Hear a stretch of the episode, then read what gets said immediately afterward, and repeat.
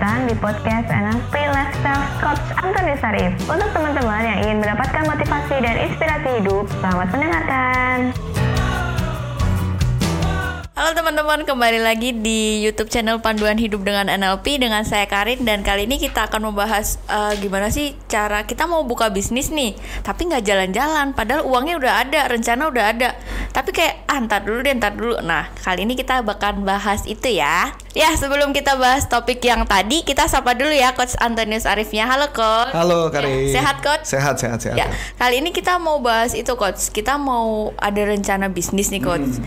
tapi kayak nggak jalan-jalan Coach. Oh oke oke, ini menarik nih. Iya. Karena biasanya saya tahu kasih penonton juga banyak ya kan, orang punya ide bisnis, pengen bisnis tapi nggak pernah mulai. Iya. Jadi kayaknya cuma rencana, atau udah Iya, pensiun. betul.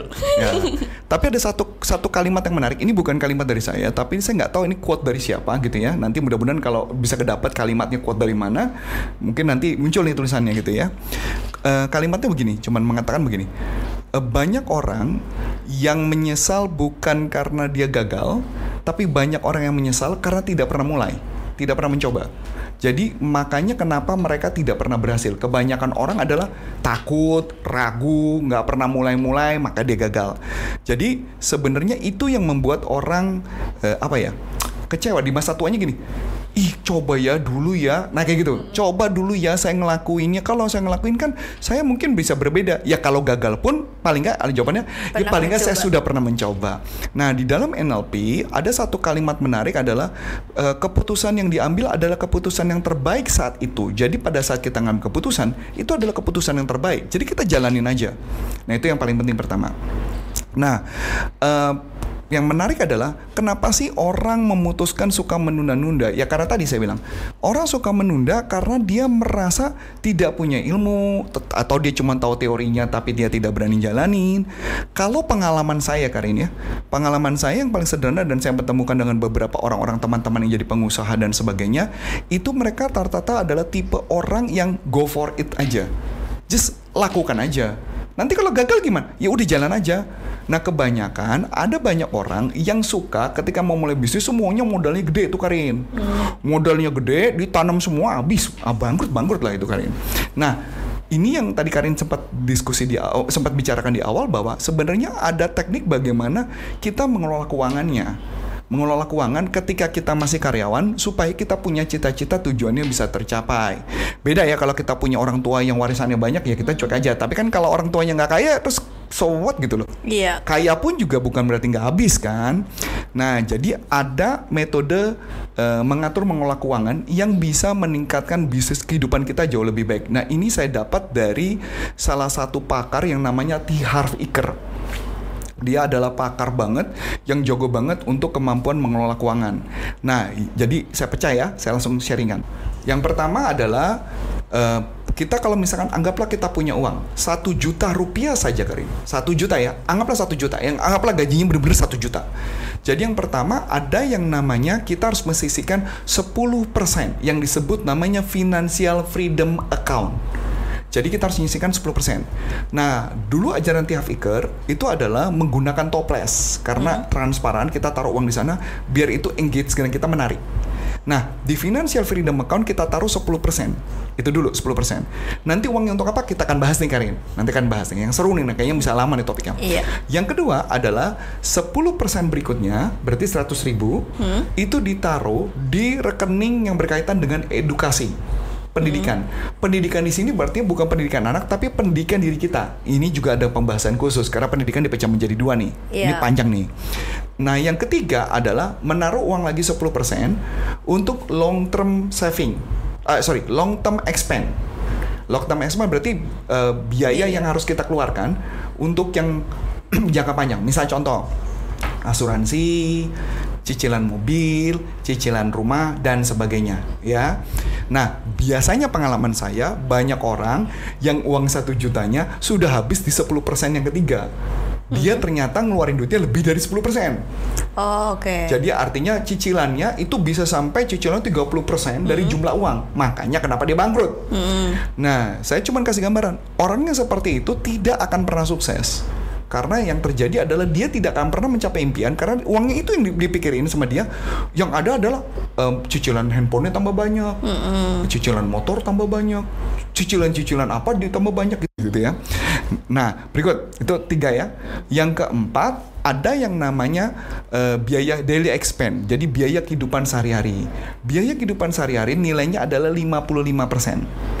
Oke. 55%.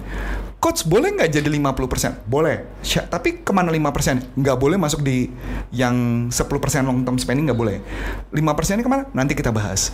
Itu apa aja isinya? Nah 55% itu berarti biaya kehidupannya Karin, eh, makan, minum gitu ya. eh ongkos dan sebagainya itu di 55% itu. Berarti udah berapa? Udah 95.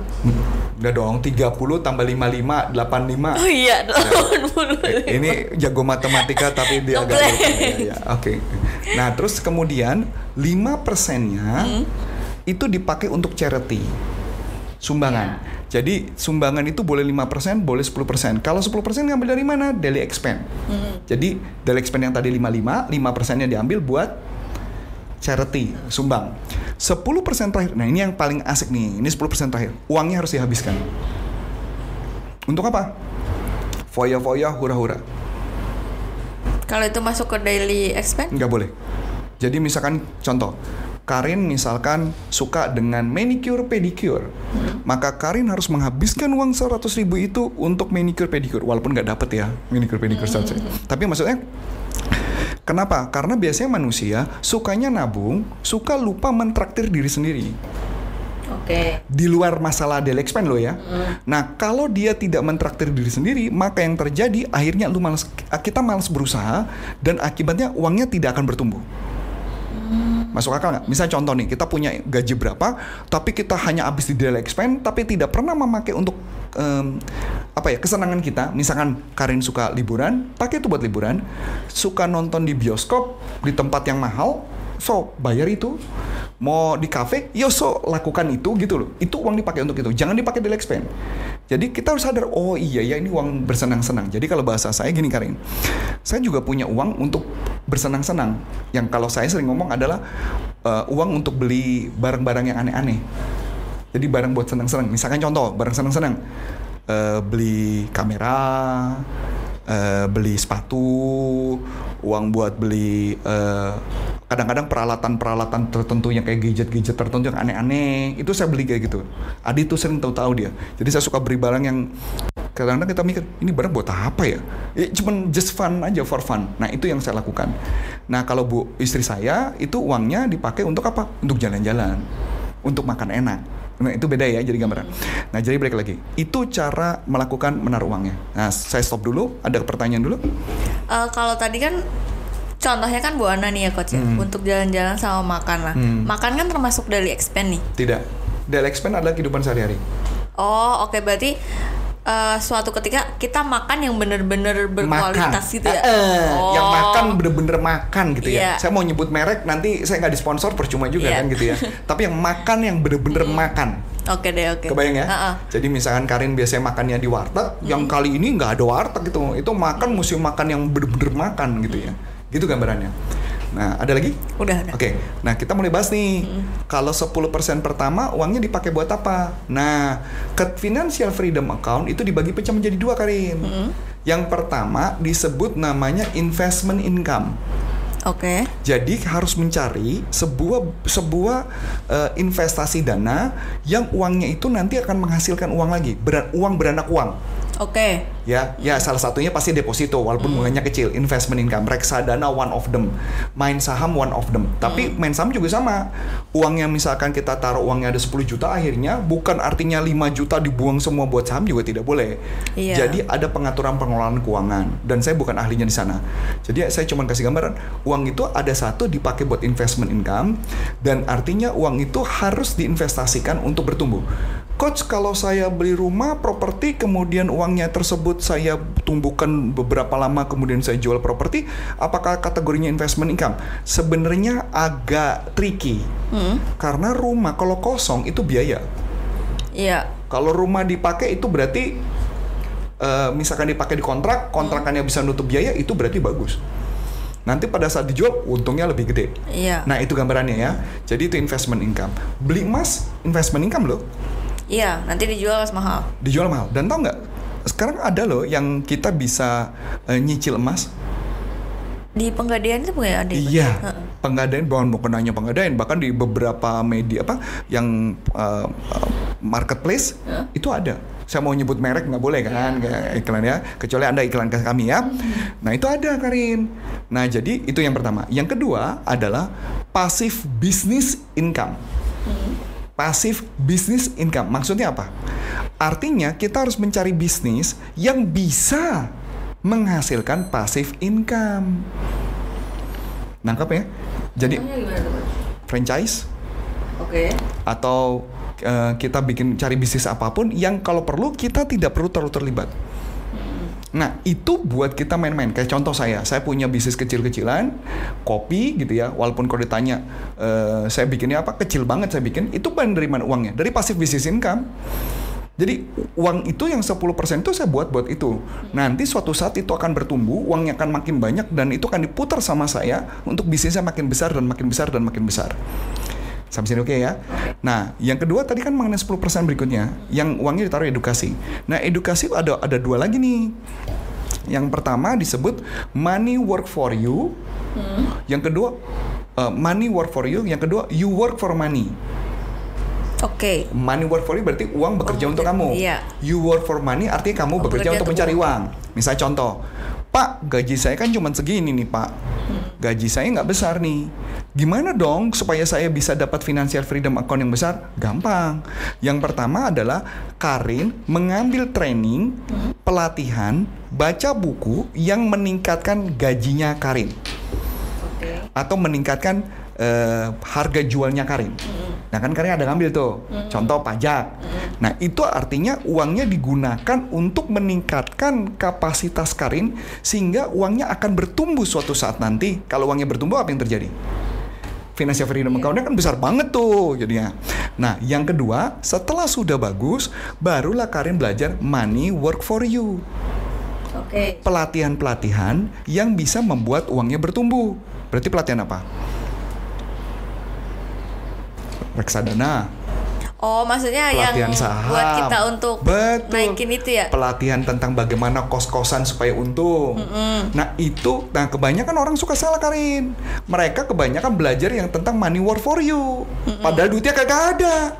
Iya. Bener nggak? Nah, ada- jadi apa yang harus dilakukan adalah Anda harus belajar dulu yang berkaitan dengan you work for money. Nah, jadi kalau ditanya bisnis kenapa? Ya, itu adalah cara pengaturan pengelolaan keuangan supaya kita kehidupannya jauh lebih baik. Begitu juga kalau mama kita tidak berani untuk memulai, kita nggak akan pernah jalan. So just do it aja. Lakukan aja. Gagal atau berhasil urusan nanti. Kalau gagal, lakukan tiga kali di bisnis yang sama. Nanti anda akan temu caranya kok. Fleksibel aja. Kalau misalkan tiga kali itu kita ganti-ganti bisnis itu Nggak boleh. nggak bakal bisa kalau mama diganti karena nanti anda nggak belajar sih nggak belajar kenapa gagal. Kebanyakan orang kan gitu ya gagal satu pindah ke bisnis lain gagal dua gagal pindah-pindah bisnis lain. Maka dia hidupnya nggak berhasil. Oke. dia nggak pernah belajar. Kalau tadi kan di 10% pertama kan investasi ya, Coach. Mhm. Eh, apa tadi? Uang? Eh, yang pertama adalah investment income. Yang kedua adalah passive business income Enggak, maksudnya yang pertama tadi kan kita ngebahas investasi saham kan kita menanamkan uang untuk kita mendapatkan anak uang lagi kan. Betul, betul. Ya, investment nah, income. ah, ah. Nah, itu misalkan kita itu jatuhnya cuma nabung doang itu masuk ke investasi nggak, coach? nabung masuk investasi tapi bunganya kecil banget loh Iya, makanya itu maksudnya cuma paling sebulan katakanlah tadi 100 ribu. Nah, Nah, kayak gini. gitu apakah bisa untuk investasi? nah kalau saya jawab 100 ribu bisa untuk beli emas Kalau investasi kan kalau masih kayak aku kan pikiran aku masih nabung aja nabung kalau kita gitu pengertian kan. emas kan adalah emas yang di dalam fisik Iya. Nah kali ini enggak. Emas itu pengertiannya bukan fisik, jadi artinya baru surat. Kecuali nanti setelah satu gram mungkin atau berapa gram baru anda ambil. Hmm. Jadi anda nabung emas istilahnya. Menarik ya? Iya, menarik. Ya jadi artinya orang yang punya uang cuma 50 ribu pun bisa beli, bisa. Tapi untuk apa nyicil dulu. Iya. Nah nanti suatu saat bisa bayangin nggak kalau mama kita rutin dan sebagainya? Dua tiga tahun kemudian apa yang bakal terjadi? Ya nggak kecil sih kalau dua tiga tahun. Mungkin 10 tahun kemudian apa yang terjadi? Pada saat itulah kita sudah punya modal yang sangat banyak. Jangan-jangan Karin nggak akan pernah buka bisnis investment income-nya udah gede banget. Masuk akal? Iya. nah kayak gitu Karin. Oke, eh, menarik sih coach Hmm. untuk topik kali ini. Jadi teman-teman juga bisa investasi sejak dini untuk membuka perusahaan yang baru. Ah, lebih Eh, tepatnya adalah mengelola dulu sih. Oh, iya, betul. kalau ngelola aja nggak bisa boro-boro investasi kan ya, eh, u- menurut aku udah cukup sih Yes, coach topik boleh. hari ini. Eh, teman-teman jangan lupa like, komen, dan subscribe dan di share ke teman-teman yang lain. Jadi biar bisa kita sama-sama membuka lapangan pekerjaan ya coach. Yap, ya. ya, betul. Iya. Dengan saya Karin. Dan saya Coach Antoni Sarif dari Panduan Hidup dengan NLP dan juga eh, NLP Leadership Indonesia dan pelatihan motivasi.id itu adalah platform kami untuk pelatihan-pelatihan jadi Anda bisa masuk pelatihan motivasi.id dan Anda akan bisa belajar di sana bersama saya dan tim-tim saya. Sukses buat Anda dan sampai jumpa. Bye bye. Nah, untuk teman-teman yang sudah menerangkan, terima kasih ya dan nantikan podcast selanjutnya.